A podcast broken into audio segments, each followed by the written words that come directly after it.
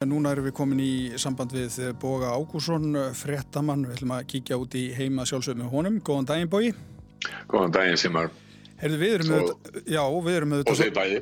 Já, takk fyrir það. Við, góðan daginn sömulegist til þín. Við erum auðvitað svolítið að velta fyrir okkur og höfum verið að því hérna framann á þætti og gerum það kannski aðeins áfram með þér að kíkja til bandaríkjana. Já, þetta, sko raunar, það er eiginlega voðalega lítið annað í fréttum þessa dagana heldur en einmitt uh, afleiðingar uh, þessa faraldurs. Það er til að með stuðut að byrjast fréttir og atbyrjum sem er verið að fella niður að fresta, Wimbledon-mótinni, tennis hefur aflýst. Það sama gildir um Edinborgar-háttíðina í haust sem er lítið Uh, harma frétt fyrir þá sem að, uh, eru elskir af þeirri borg uh, og lofslagsástefna saminnið þjónum sem átt að vera í Glasgow í höst, hún hefur verið fælt niður.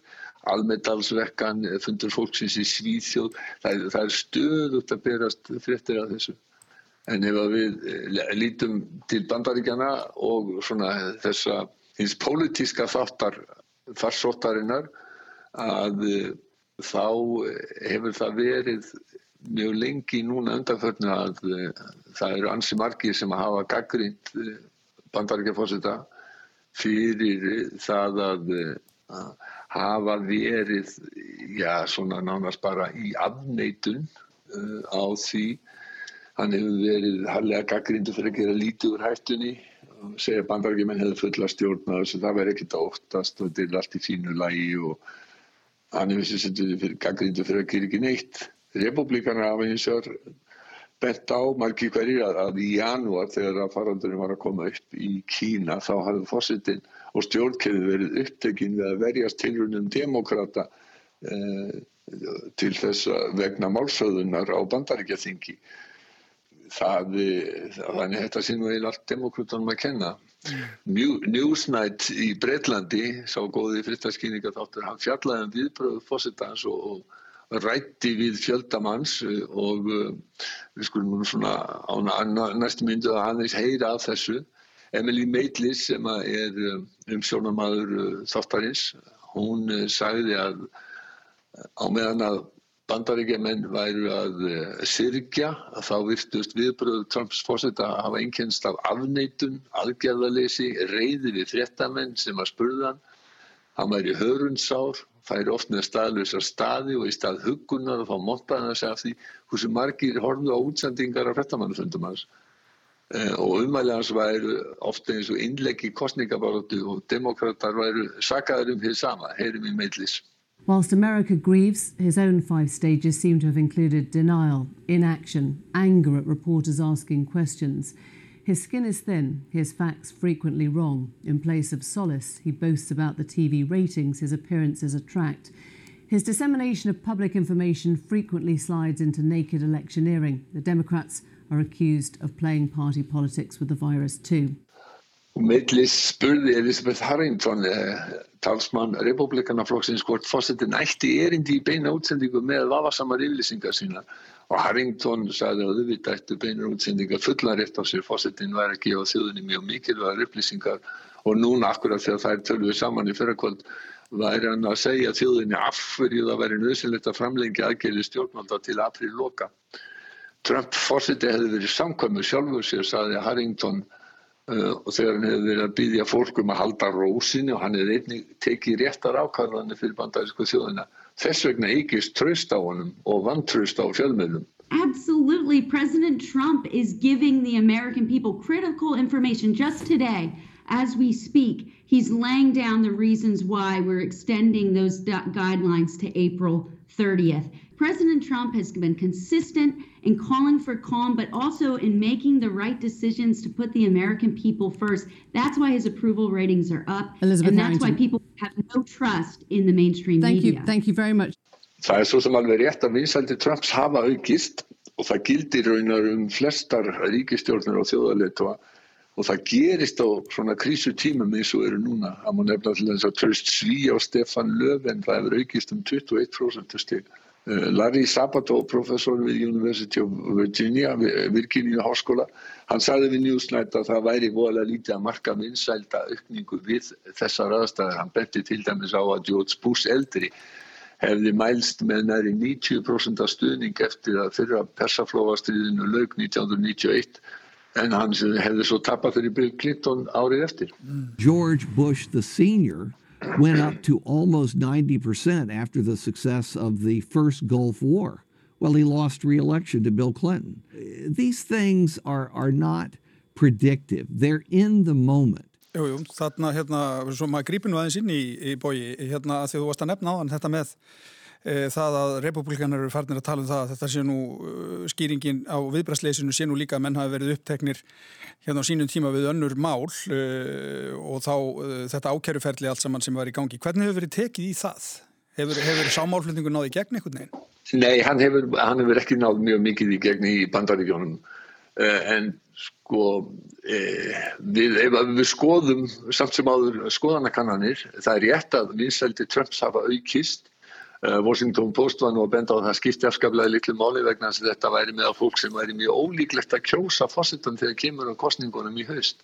Og Joe Biden sem verður líklega fórsetahefni demokrata á eiginlega mikið gerast ef það verður ekki hann hefur meira fylgi heldur en Trump samkvæmt konun sem að Reuters gerði í gæð og þar munaði einum 6% stígum í öðrum konunum er munurinn, munurinn minni en í flestum konunum að þá er munur uh, bætin í vil ég held samt sem að það sé afskaplega lítið hægt að segja eða spá um fósendakostningar sem verða í nógumbyr og svo vittnum enn einu sinni í Harold Wilson fyrirvændi fósendis og þeirra breyta sem benti á það að vika væri langu tími í politík og það er nú meirinn hálfveld síðan að það sagði þetta og þetta er alveg rétt hvað þá að við séum að tala um sko hvað er þetta 7-8 mánuðir þánga til í, í haust Trump gerði í fyrstu mjög lítið úr, úr, úr hættunni á koronavirunni, hann talaði um kynvesku viruna og sagði að þetta væri eitthvað óamirist og einhverjum fjárhans útlendingum að kenna.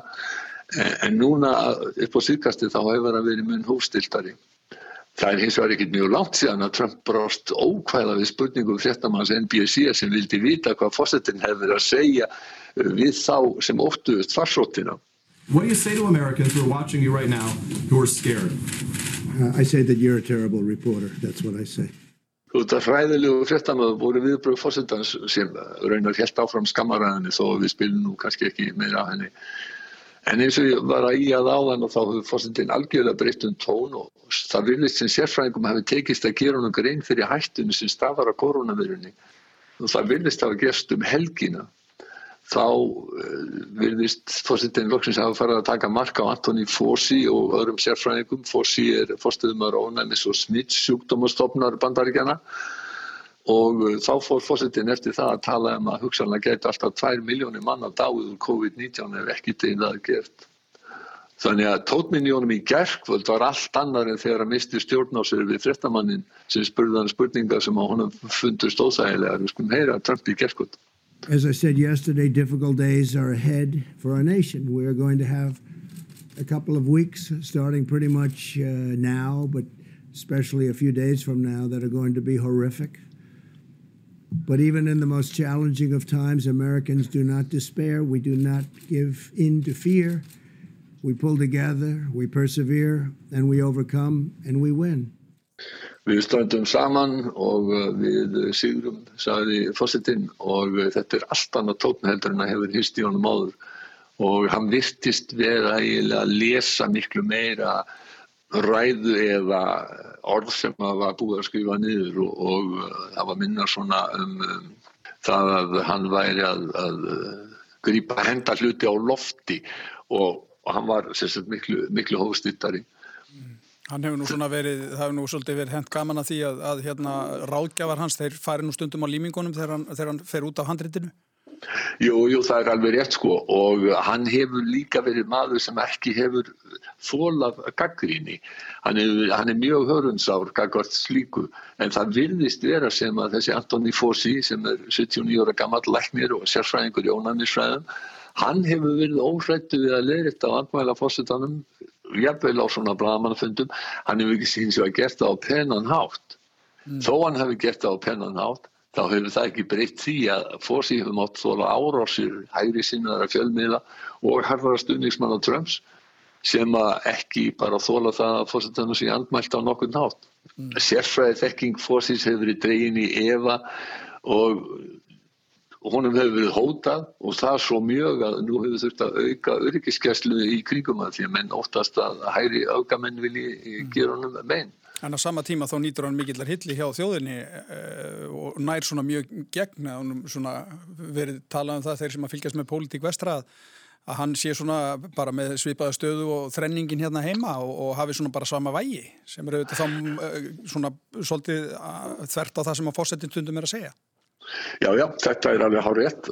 Fólk vestanhafs vilist taka marka honum og uh, það er ég held að uh, víðast hvar uh, þá sé það raunin að þessi tilneying sem hefur verið á undanförnum árum að það efast um allt sem að sérfræðingar segja og efast um vísindi og annað og segja sko að staðrindir skiptir nú ekki jafn miklu málu á tilfinningar þegar það hefur verið bent á, á einhverja staðrindir þegar að fólk hefur verið að fara með til dæmis tölur um það að glæpum hafi fjölgað og það hefur verið bent á það að tölfræðin síni að glemum hafi ekki fjölga að þá er svarið en mér finnst það.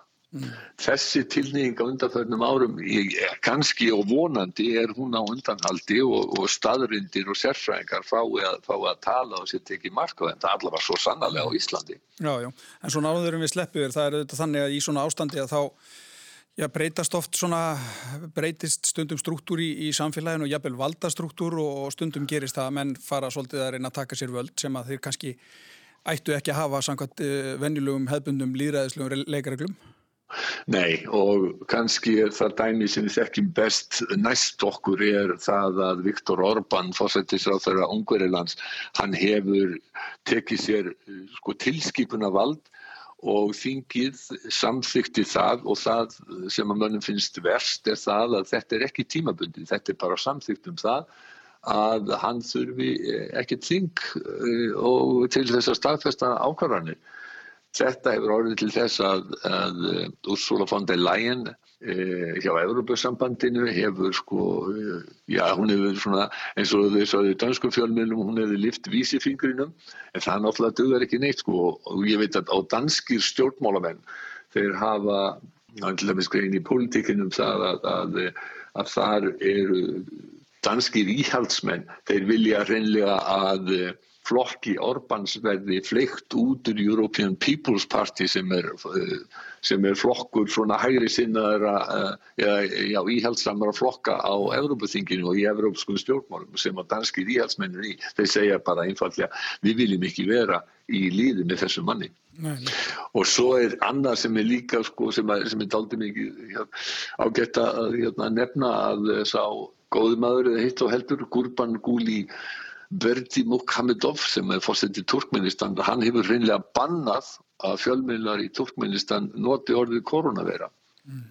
Já, já, hann hefur náttúrulega svo sem stýrt því landi öðruvísi heldur en við þekkjum hér á Vesturlöndum, það er nú og bara sem betur fyrir þetta. Bói Ágúrsson, takk hjálpa fyrir að spjalla við okkur hér í, í þessum þætti. Takk sömulegis.